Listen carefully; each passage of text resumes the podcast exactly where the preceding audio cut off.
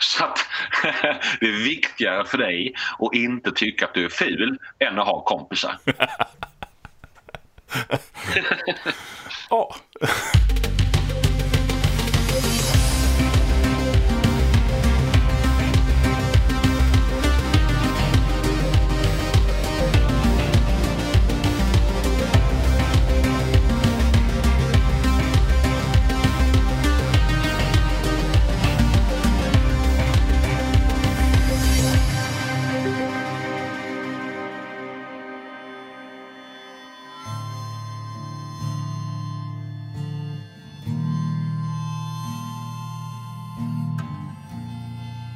Hej och välkommen till Ismail Atarias podcast.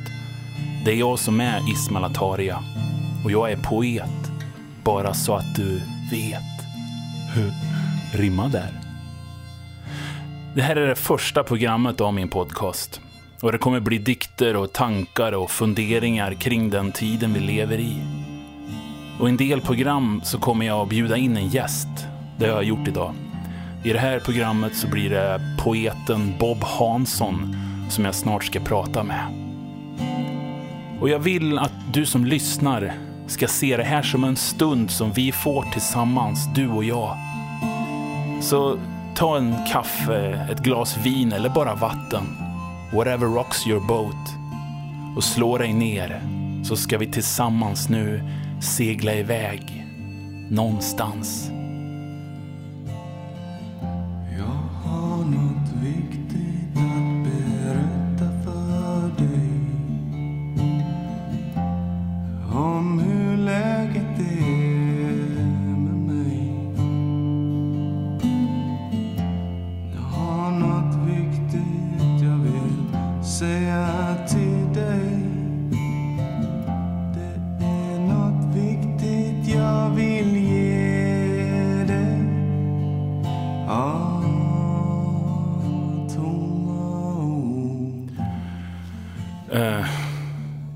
Alltså jag har ju aldrig spelat in podd förut. Det här är mitt, mitt första avsnitt. Förhoppningsvis det första av flera. Men välkommen till din nya, eh, ditt nya liv som poddare. ja, precis. Tack. Ja. Det känns ju det känns spännande. Vi får se vart, vart det tar åt. Jag tycker att det är ett skönt forum på något sätt. Jag har upptäckt själv när jag kollar min så Spotify, du vet man fick se vad man lyssnar på. Året som har gått så upptäckte jag att jag har lyssnat på podd i typ två veckor konstant. Eller sånt där. Jag vet inte om jag skulle bli peppad eller rädd då liksom. Men det är ju två veckor på hur lång tid då? Några år liksom? Nej, det Eller? är ett, ett år. Ett år. Två veckor dygnet runt har du lyssnat på podd. Det Ja. gör du per år. Ja.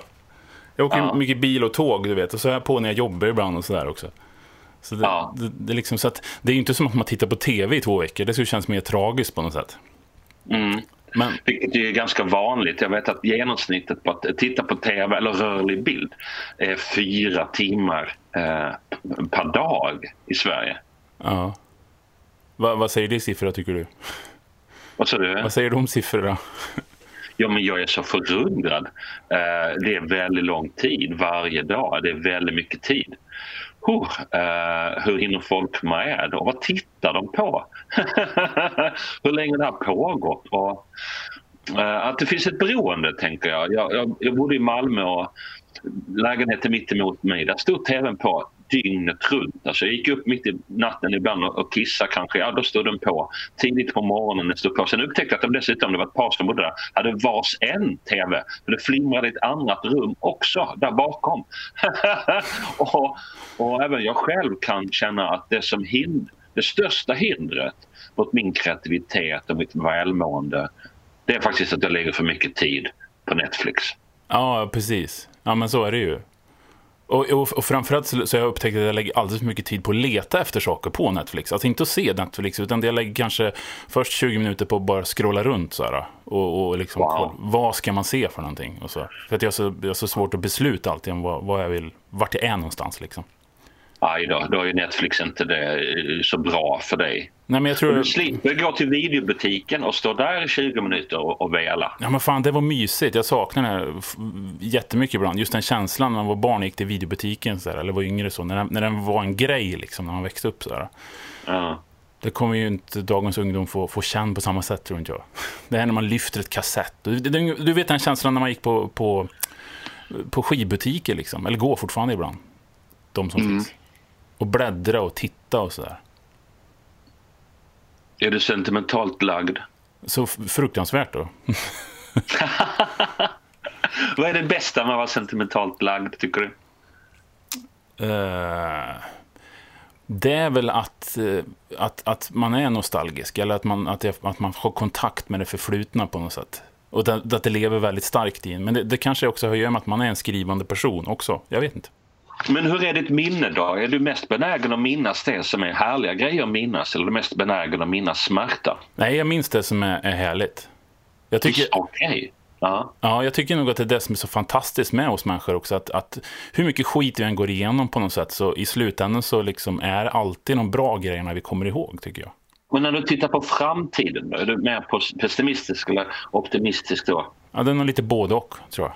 Du är lite både och. Ja. Och nuet då, när du tittar på nu, när du tittar på världen just nu och ditt liv just nu. Just nu så, så pendlar jag, det är lugnt från dag till dag. Frågar du mig idag, just nu så är jag ganska så här, nu är jag ganska pepp och ganska så här, känns ganska positivt inför framtiden. Fastän vi, vi befinner oss i en, i en katastrof liksom, kan jag känna. Så, så, så är jag ändå positiv inför framtiden liksom. Ja. Men, det kan vara, men då är det inte konstigt att tänka att du är sentimental eftersom ditt minne då är totalt optimistiskt. Minns bara bra grejer. Men när du tittar på nu och när du tittar på framtiden så är det lite både och.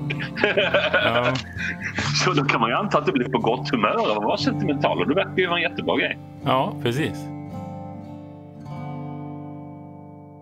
Men, men eh, hur, hur känns det själv just nu? Vart befinner du dig liksom i, i dig själv, i allt det här?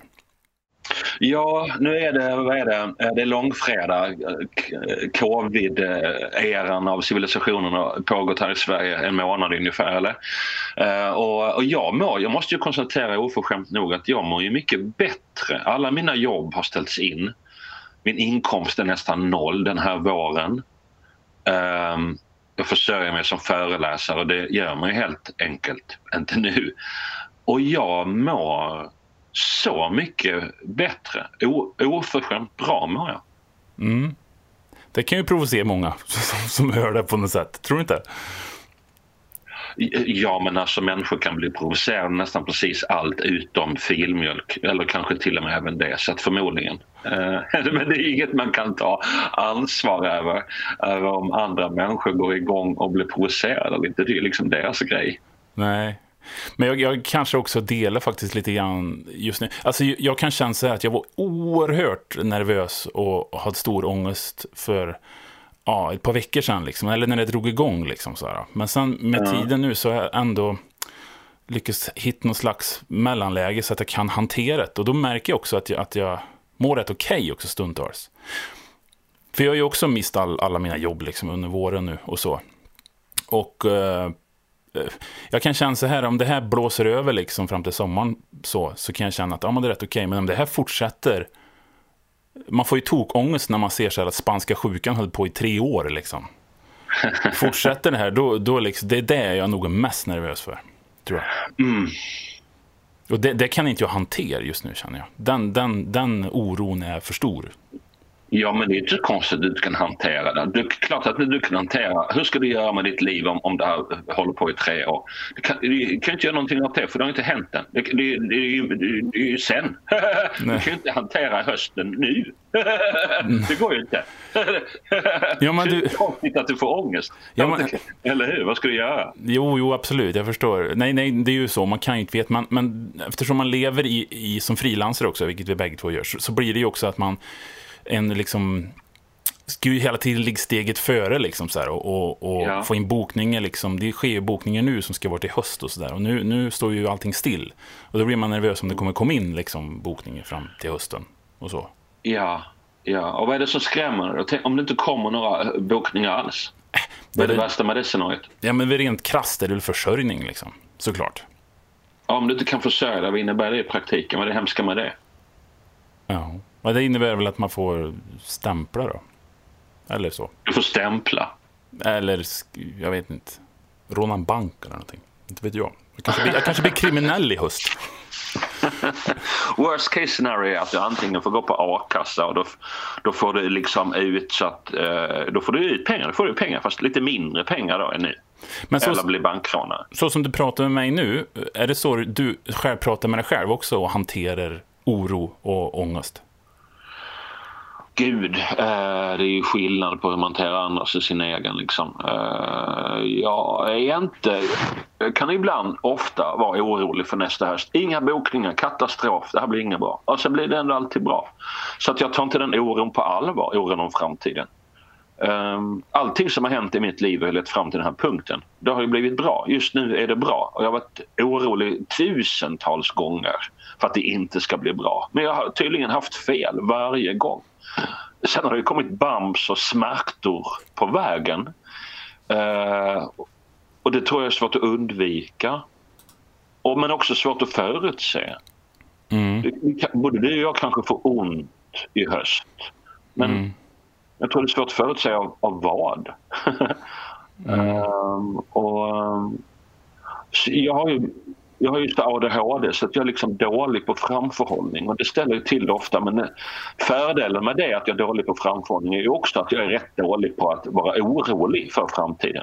Jag, har lite svårt att tänka, ta in framtiden överhuvudtaget. Den är så abstrakt för mig. Jag delar ju också det, men det har ju också ADHD. Men min, min verkar på ett annat sätt. Jag blir, min oro är mer Eh, den kickar ju hårdare för mig. Liksom. Jag kan tänka för de, de jag ser omkring mig som inte har min kombination. Så för mig så är det mm. liksom att jag, jag är extremt påhittig och hittar sätt att tortera mig själv på ibland. Liksom. Du, du är väldigt påhittig när det kommer till att tortera dig själv. Vad vad hemskt det lät. ja, det kan du ju skriva på ditt CV om du söker jobb i helvetet. men den här oron, vad, vad fan är den bra för egentligen att ha? Som, som, jag, som jag har liksom. Mm. Ja, varför är oron bra att ha? Vad skulle du själv svara? Jo, men det, är, alltså, det finns ju någon slags, man ska, rent biologiskt sett så finns det ju någon nedärvd liksom, grej som vi har sedan vi gick och knackade stenyxor, liksom, att vi, vi ska fly från, från tigern som kommer. Liksom. Mm. Så det, det, är ju, det är ju eh, ett, ett, ett försvar på många sätt också. Men, men ibland så, så eh, funderar jag själv liksom varför jag är så fruktansvärt orolig stundtals och varför jag går runt och och eh, ge mig själv det. För jag vet ju också att, att det här som jag fick lära mig i terapi bland annat, att jag, att jag, att jag har känslan. Liksom. Att jag, så, att det, det är inte jag, jag är inte hela min känsla liksom. Mm. Och det, den, den insikten hjälpte mig väldigt mycket när jag fick in den i mig. Att, att jag liksom är större än mina känslor på något sätt. Just det, man är större än sin känsla. Annars skulle inte känslan få plats i en om man inte själv var större än den. Nej, precis. Och det som... Tänk en sån härlig sak om man blir äldre. När man var ung, när jag var yngre så var det verkligen så. Ah, min tjej har gjort slut. Jag är bara dumpad. Jag kommer vara dumpad hela livet. Det här är katastrof. Jag kommer alltid känna så här. och sen ju äldre man blir, som du säger, så bara okej, okay, nu känner jag så här. Men det är ju bara en känsla. Och när jag sist var, hade livskris så kunde jag liksom sitta där och bara, alltså jag mådde så fruktansvärt dåligt. Och jag hade så otroligt svart syn på mig själv. Att jag var helt värdelös. Det spelade liksom ingen roll, tänkte jag, man skulle skriva världens bästa bok för ingen skulle ens bry sig om mig då för jag är över, jag är gubbe, jag är dålig, jag är oatt... Alltså, och då kunde jag sitta där och svara, men Bob, det är ju osannolikt att det är så här dåligt. Tänk att du kan sitta och tro att det är så här extremt dåligt. mm. Fascinerande, tänk att det kunde bli så. Den här, det här lilla utanförperspektivet, eller hur? Visst är det? Mm, ja men absolut, och, och, det är väl det här också att man kan, ibland så säger jag också till mig själv så där när jag känner känner mig orolig och rädd, och speciellt nu, så brukar jag säga okej, okay, då, då tar vi då tar vi tio minuter här och så sätter vi oss ner och oroar så inåt helvete. och så gör vi det i tio minuter nu. Så tillåter hjälper vi oss själva att vara Ja, det hjälper, det hjälper skitbra att göra. Ja, det. Ja. För då blir man lite så här också, nej vad fan, nej men jag vill inte, då vill man liksom inte vara det, för då medveten gör jag på något sätt också min egen oro, min egen rädsla. Och det har hjälpt mig väldigt mycket.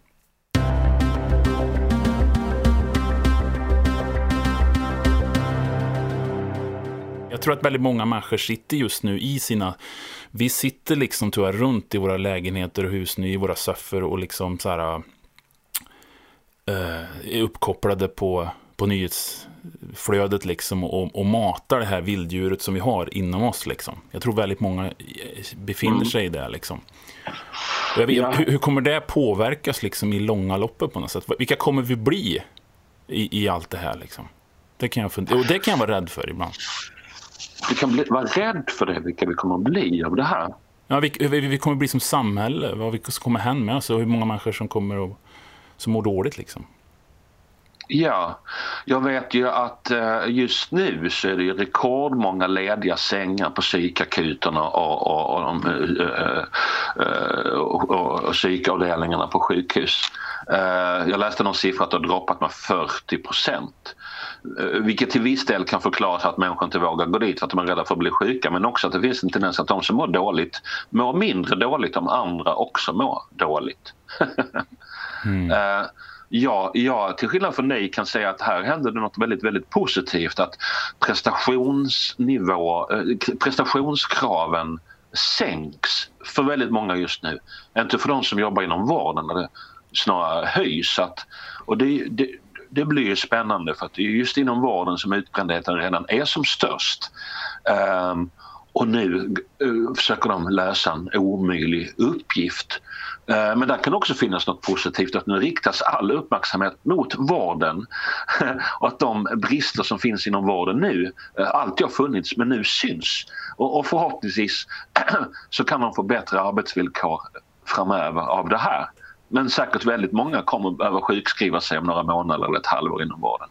Mm. Och det är lite trist. Men för många tror jag att ka- kan man tänka sig att det också blir en paus. Så det är i alla fall för mig jag tror inte att jag är ensam om det. Nej, men jag, jag, delar, jag delar ju det med er också. Alltså, jag, jag blir först orolig när jag går in på alla sidor och, och läser för mycket. Liksom, och läser fel saker kanske. Så att jag försöker begränsa mig nu och bara lyssna på, på vet du, eh, presskonferensen till exempel. Bara för att få krasst, bara ren information vad gäller just nu. Men sen försöker jag medvetet söka mig bort från, från, från allting. För att jag känner att jag, man klarar inte som människa känner jag att bära upp den, den mediala oron liksom som finns. Inte, alla, Nej, inte men jag det- i alla fall.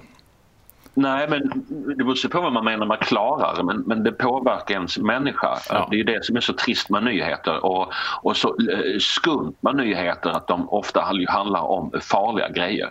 För att det blir vi genast intresserade av. Det har ju med vår hjärna att göra. Att vi går ute på en, eh, på en äng och eh, den buske vi mest lägger märke till är den som vi tror det finns en tiger bakom för vår överlevnads skull. Och det är därför media är fyllt av elände.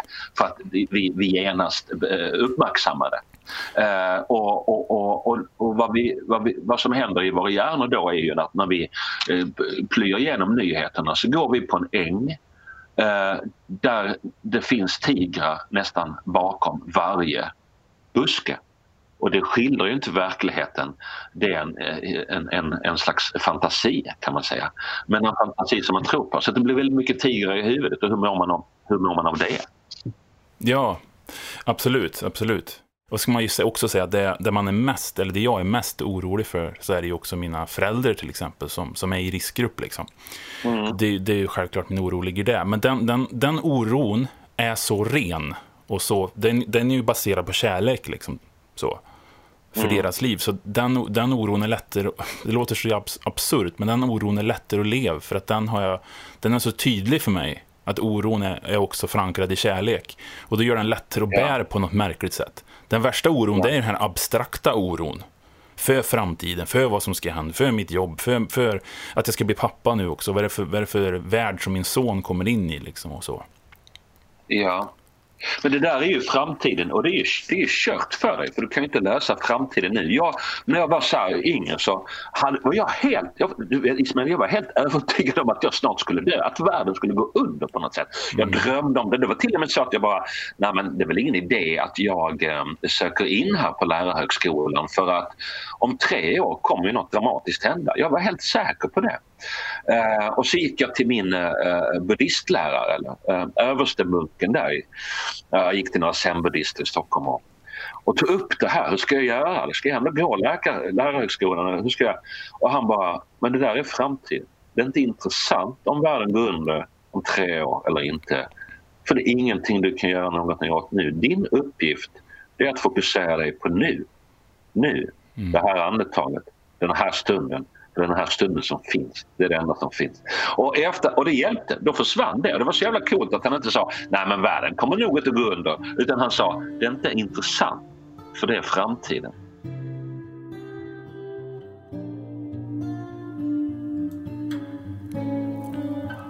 Vårvinden blåser över taket. Det kränger och knakar i lister och fönster. En storm drar över landet. Vi sitter i våra soffor. Vi håller händer i mörkret. Vi är en kedja av varmt. Vi står så tätt tillsammans, men på behörigt avstånd. Vi följs åt i oron, du och jag. Vi är så frustrerade över sakernas förbannade tillstånd. Vi är trötta på det här. Allt vi vill är att få kramas. Och höra skrattet, ställa till fest, hålla om varandra så där som vi gjorde förr. På kort tid har så mycket förändrats. Vi uppdaterar nyhetsflödet varje kvart och följer statistiken.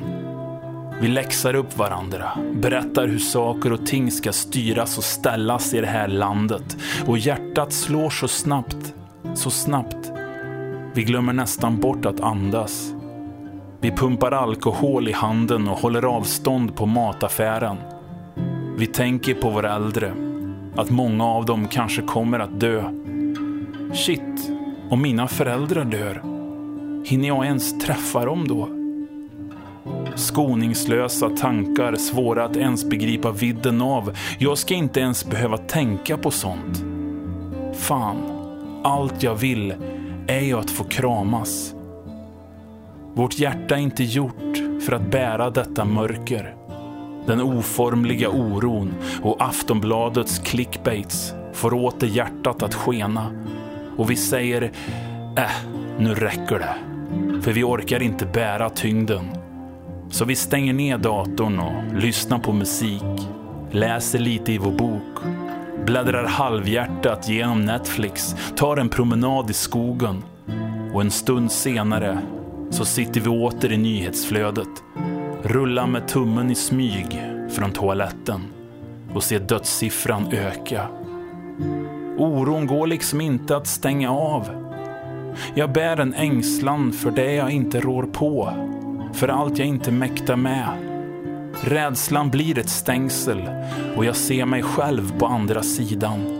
Jag blir min känsla istället för att känna den. En storm drar över landet. Vi sitter i våra soffor och allt vi vill är att få kramas. En stor fest skulle vara på sin plats när allt det här är över. Jävla vad kul vi ska ha! I sommar kanske, när tiden är mild och natten ljum. Men så kommer tanken igen. Vem vet när allt det här är slut? Det kanske fortsätter hela året ut. Det som får mig att orka är kanske insikten om att jag inte är ensam. Vi är många som hukar i skymningen. Som tittar upp från våra skyttegravar om nätterna. När media och presskonferenserna sover. Vi sitter ute på balkongen, vi ser den halvgråsvarta aprilhimlen. Kanske ber vi till Gud, även om vi inte tror på sånt. Men vi gör det ändå för att vara lite garderade. Om jag kunde så skulle jag sträcka mig ut och hålla om dig. Säga att allt blir bra. För jag vet, det kommer bli bra. Men innan det ska bli bra så kommer det bli lite värre. Men det kommer bli bra. Jag vet att det kommer en tid igen. En tid när vi återigen får kramas.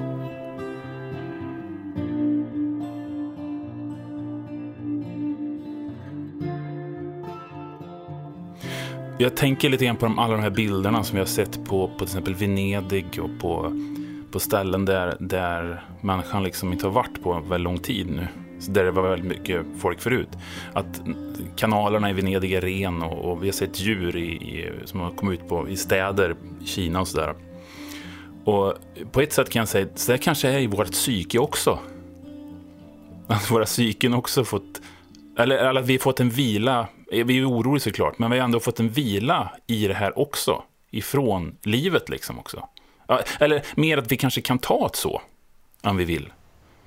Att vi kan se det som en vila från, från samhället och från oss själva.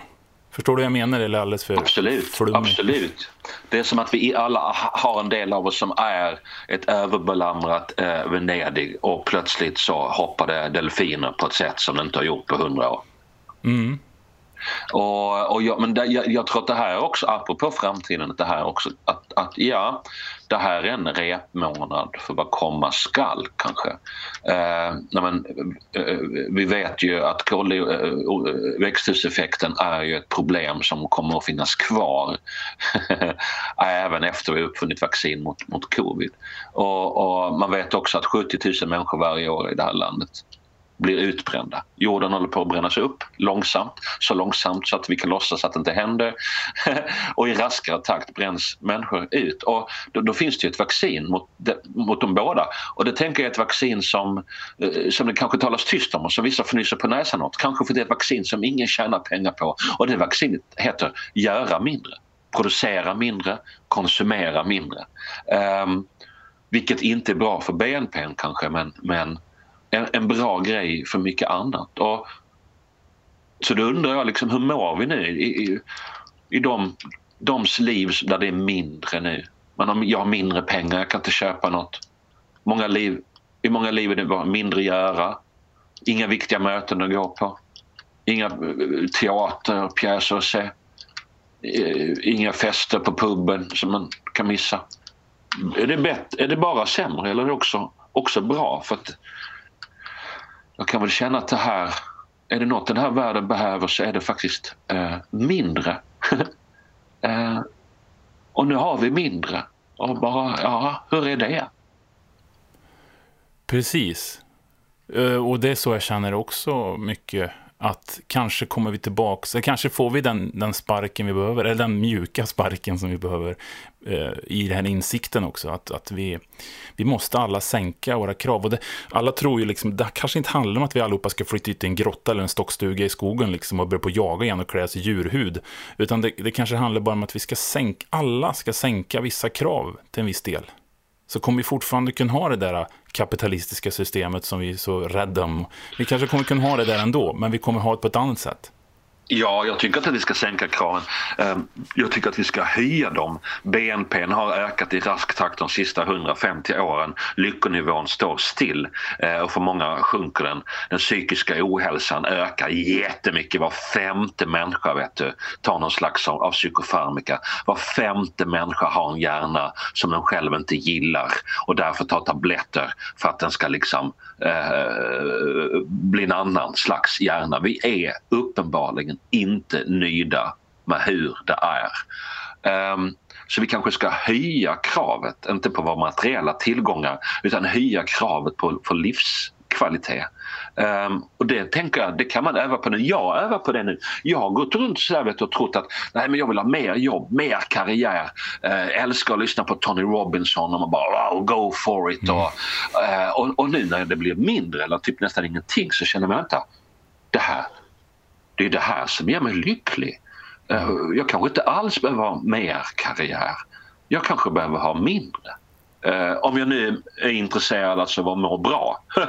mm. Jag kanske är intresserad av att se lyckad ut eller intresserad av massa märkliga upplevelser och, och, och, och uh, känna mig framgångsrik och de kickarna som är jättehärliga. Men om jag är intresserad av att faktiskt må bra Alltså då verkar det läskigt nog som att jag skulle behöva ha mindre jobb. Mm. Men det, jag tänker så här, Vad tror du? Jag vet inte. Alltså jag tänker ju så här, du, du har ju haft en otrolig framgång också genom ditt liv. Alltså jag, jag kämpar ju fortfarande liksom för att få ett, ett större genomslag. Liksom. Så, att, så att det kanske jag säger inte att det är lättare för dig liksom så här, och känns så. Nej, nej men det är, det är absolut skillnad. Absolut skillnad. Jag är ja. bortskämd och som eh, någon skådespelare sa, eh, vad heter han, han som har gummiansikte, Jim Carrey, ja. att han önskade att alla kunde bli dåliga miljardärer så att de insåg att pengar inte var viktiga. Nej. Uh, men du, vad, det här genomslaget och sådär, vad, är det, vad, vad ger det dig? Om, om du tänker att shit, nu har du fått det där genombrottet. Vad, hur mår du, vad, är det som, vad är det för bra med det? Nej, jag ska helt allvarligt säga att jag har också genomskådat, tycker jag, den, den idén. Eh, det är därför jag tror att jag känner mig så pass ändå självsäker som jag gör i mig själv. För att jag, jag, jag kan uh, uteslutande leva på det jag gör. Och jag får möta en massa människor varje dag ändå och får göra en massa spännande saker redan nu, även om man inte nått det där absoluta stora genombrottet. Liksom. Så att redan nu så är jag liksom nöjd.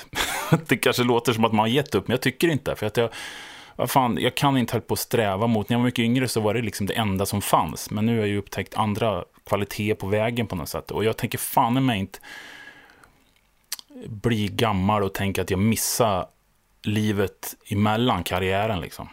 Utan det ska, jag vill ha det, det, det är ändå det viktigaste på något sätt. Att jag mår bra. Ja.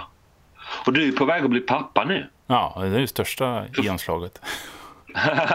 För allra första gången någonsin så ska Ismael bli pappa. Hur känns det? Eh, det känns ju fantastiskt såklart.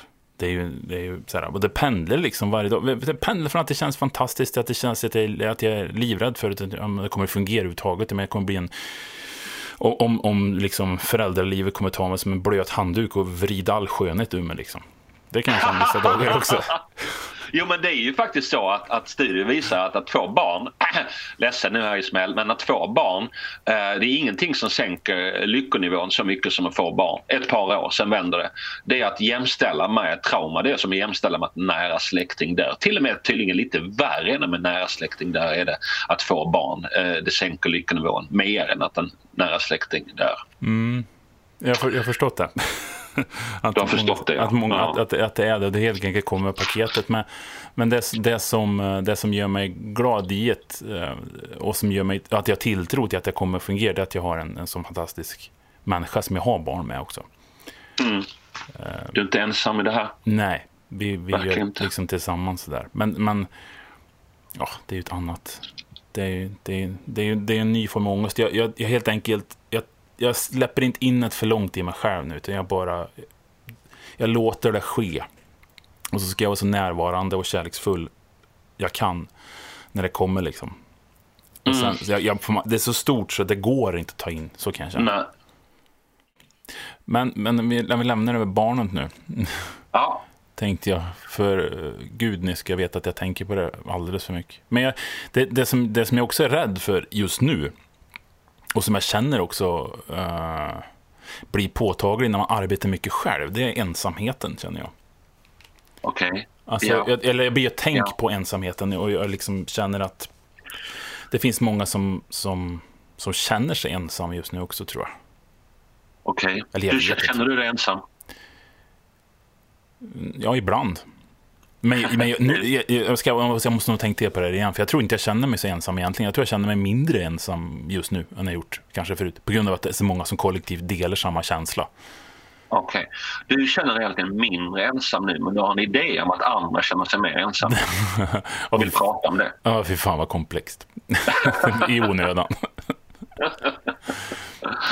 Men jag har också tänkt på det. Jag har också tänkt på det. Och för, för ensamhet är ju... Eh, Karolinska institutet eh, och andra forskningsinstitut över hela världen har gjort samma sak. De går typ in, kanske inte riktigt så det funkar, men man tänker sig att de går in på ålderdomshem och så sätter de sig på en pall och så kollar de vem dör först. Och då upptäcker de ju föga förvånat att de som röker, de dör tidigare. Och de som har väldigt kraftig fetma, de dör tidigare. Men allra först så dör de som är ensamma. Mm. Och det finns ingenting som gör en så lycklig som ett bra socialt umgänge. Eh, det är det liksom genvä genvägen visar lyckoforskningen till. Liksom, om man vill ha ett lyckligt liv, satsa på relationerna. Det är liksom glasklart. Mm. Och som av en händelse är det också så att framgång, andra, andra studier visar att liksom om, man, om man vill vara framgångsrik så är relationer också då det allra, allra viktigaste. Om du är nöjd med ditt sociala liv så kommer du, eh, så kommer du avancera i din karriär mer än om du inte är det.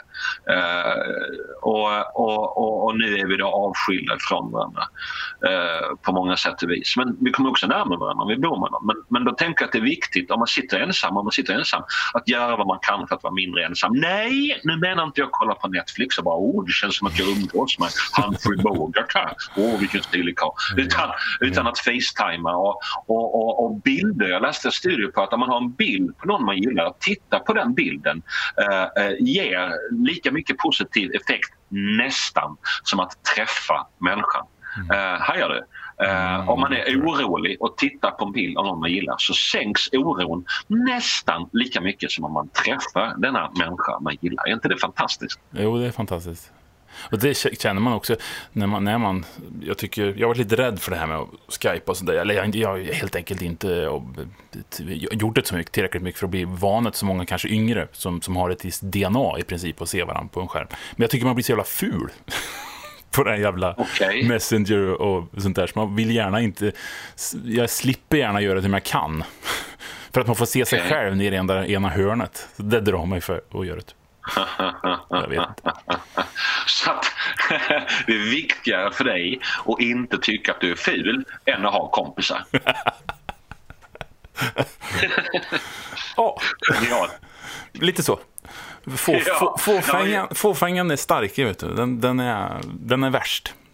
Ja, men jag, gick, jag gick till eh, psykolog, hypnosterapeut menar jag. gick till hypnosterapeut för att jobba med att jag tyckte att jag var ful. Mm -hmm. Jag är också, också väldigt fåfäng och har varit länge väldigt övertygad om att nej, jag har gått och blivit ful. Ja. ja, Kommer du ihåg den känslan när man gick från att man tycker man var snygg till att man tyckte man blev ful? Ja. Gör du det? Ja, eller det gick ju successivt såklart. Men alltså, när man tycker, nu menar jag inte att det är, men jag menar bara att jag tyck, man tyckte liksom att man, man, man sökte inte längre sin blick i spegeln. Utan att man blev, mm. helt plötsligt vaknade man upp med en oro över att eh, jag rasade ihop. Mm.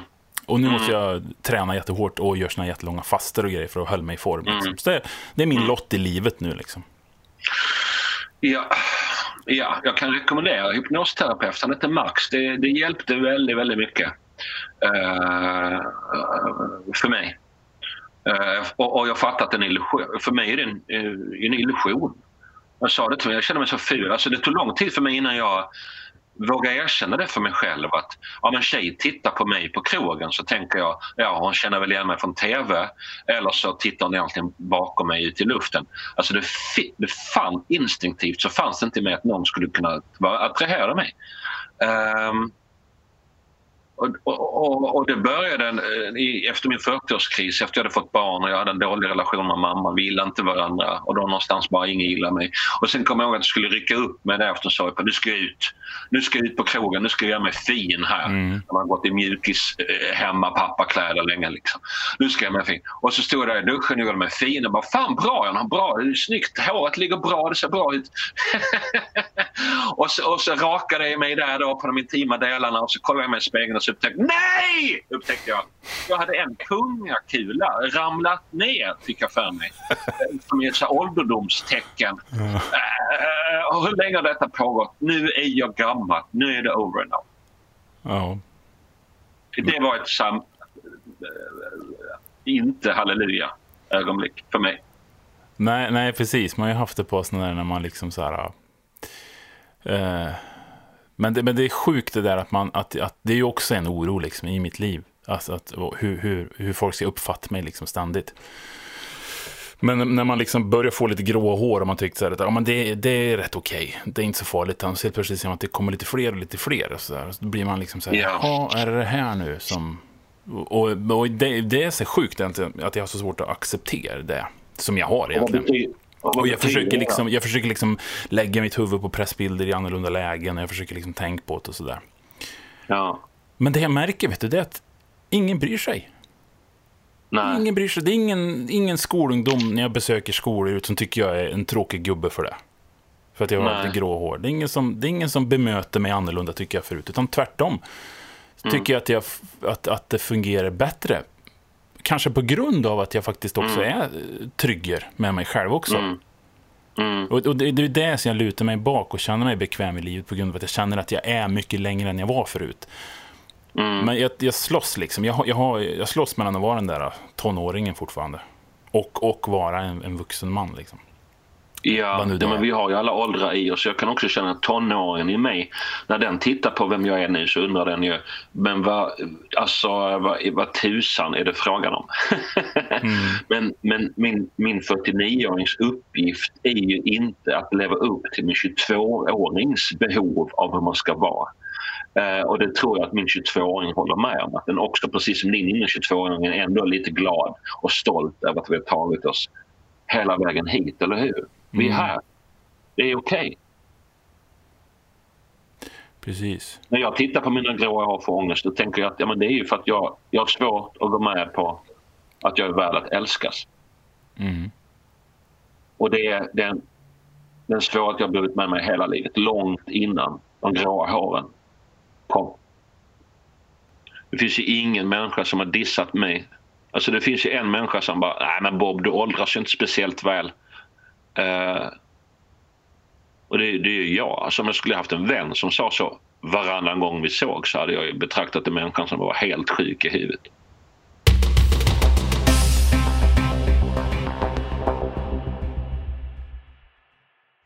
Jag håller på väldigt mycket med meditation och har mediterat i 30 år. Och, och, och meditation är en, en övning på att vara medveten om vad man tänker och välja sina tankar. Meditation kan man ju säga kort att det är superbra av så många anledningar så att man låter fri religiös om man skulle säga dem alla högt. Men exempelvis ök, ökar det hälsan. Det finns stora undersökningar från USA och Kanada. Eh, De har undersökt eh, hundratusentals människor.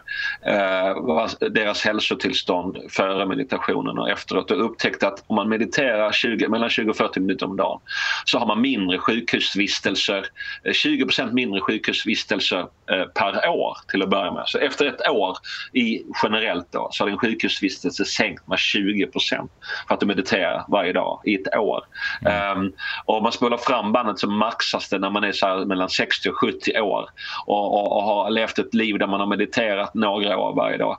Då är man alltså eh, 70% mindre på sjukhus än när man inte mediterar. Så att om man börjar meditera idag så åker man till sjukhus eh, på måndagen och så får man åka hem på tisdag morgon. Om man inte mediterar åker man till sjukhus på måndagen och får stanna kvar hela veckan. Så stor skillnad kan det vara. Eh, och dessutom för dig idag så är det ju så att hjärnan byggs om. Att det positiva centret, det som inte lägger märke till tigrar, utan det som lägger märke till mm, allt är lugnt eh, Eh, ökar både i omfång och aktivitet. Och det händer bara efter några dagar så börjar hjärnan byggas om åt det positiva hållet som gör att det blir svårare för dig att irritera dig på den odiskade kaffekoppen och lättare för dig att ha picknick och det regnar och lättare att tänka tanken wow nu får vi skula under ett träd, vad mysigt. Så det är det ska Eller- säga till de som eventuellt lyssnar nu då. Jag får säga event- eventuellt under första programmet. Men, men de som lyssnar att, att, att meditationen är, är ett av svaren. För jag kan hålla med dig också där faktiskt.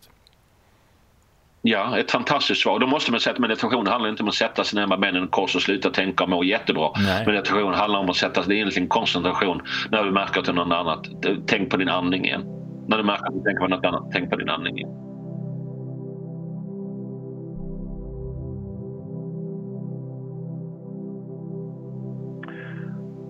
att det just nu är gott som det är.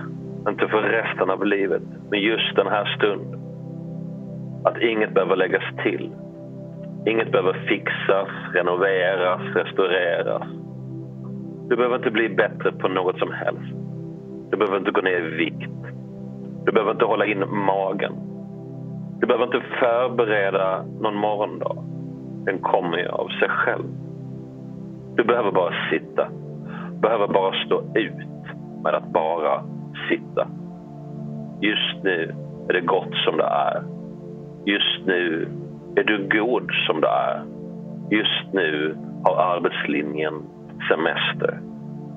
Jag har sett oss båda tvivla på att det vi utgör är tillräckligt.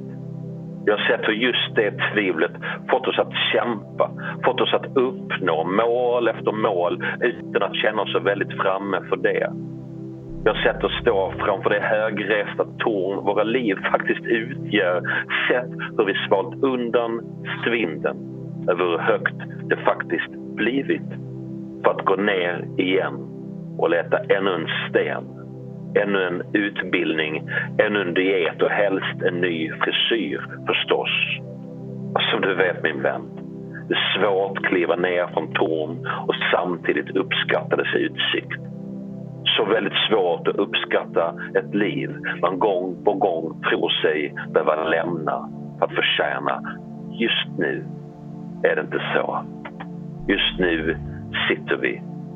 Vi sitter högst upp på ett jordklot som vi gillar under oss, svävar genom rymden, under oss, bär oss genom en värld som aldrig någonsin fått för sig att hålla in magen. Just nu är allt gott. Om en stund får du tvivla igen. Om en stund får du streta på igen. Om en stund får du kliva ner från det torn som du redan har för att skapa ett bättre, högre. Men just nu slipper du.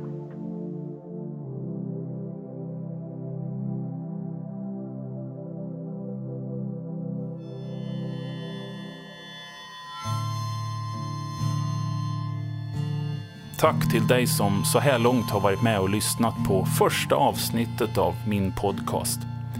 Jag kommer försöka fortsätta lägga ut avsnitt framöver. I dagens avsnitt så har ni hört musik av min goda vän Christian Dyresjö. Jag tycker verkligen ni ska gå ut och lyssna på hans musik på Spotify. Det är den väl värd. Och när ni ändå är ute på Spotify så kan ni väl också lyssna på mina skivor också. Jag har ett par stycken ute där. Bland annat eh, två skivor som jag har gjort tillsammans med David Engström. David har förresten gjort jinglarna som ni hör i det här programmet, så tack David! Jag vill även passa på att tacka Frank Koistra som har snickrat ihop omslaget till podden. Tack Frank! Så the- Cure nu är kanske, för det här oron vi har, det kanske är att, att försöka att strunta i de här tigrarna som du pratade om förut. Eller vi pratade om. Det kanske går inte att strunta i tigrar. Det är helt omöjligt att strunta i tigrar. Men det man kan göra, om, om jag går in på nyheterna så vet jag nu kommer det tiger in i min skallen. Min puls kommer att gå upp. Eh, rädslo, rädslan och stressen i min hjärna kommer att öka antingen jag märker det eller inte. Och det kommer att hänga kvar. Om jag först kollar på nyheterna och sen kollar på min sambo så kommer vi gärna vara inställd på problem. Och det kommer vara lättare att jag ser ett problem med henne än, än någonting annat. Det är det man får betala med att bli stimulerad av nyheter och så vidare. Men- Eh, man kan göra andra saker. Ja, precis. Det är det jag menar. Slå på tempot lite grann och så. Det kanske är det som finns. Ja. Och, och, om, eh, jag tycker om att börja min dag med att ta en promenad och bara tänka på vad jag är tacksam över. Wow, jag har en son, jag fick barn och jag har faktiskt något jobb i höst ändå. Vilken grej!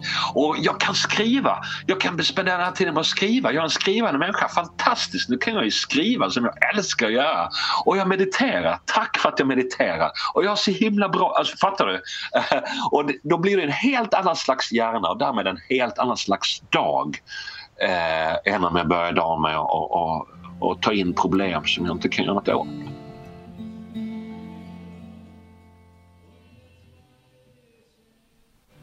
Det finns en tid då koltrasten sjunger. Då den smala stigen ner till sjön leder oss längre in i grönskan. En tid då oron endast är ett lätt sneglande åt sidan. Då vi söker efter fästingar och huggorm. Det finns en tid då vi kan sträcka oss ut och drömma. En tid att ta igen andetagen som nu halkar efter. Då magen stadigt laddar själen full av kraft och tillförsikt. En tid då gräsklipparens dova motorljud puttrar i fjärran och barnen leker på avstånd. Då klockan rullar ledigt, skramla med sina borttappade siffror. En tid då den blekfeta och bakfulla springer ut på dåligt förtöjda bryggor för att senare ropa Äh, det var ju inte alls kallt. Fan, kom i!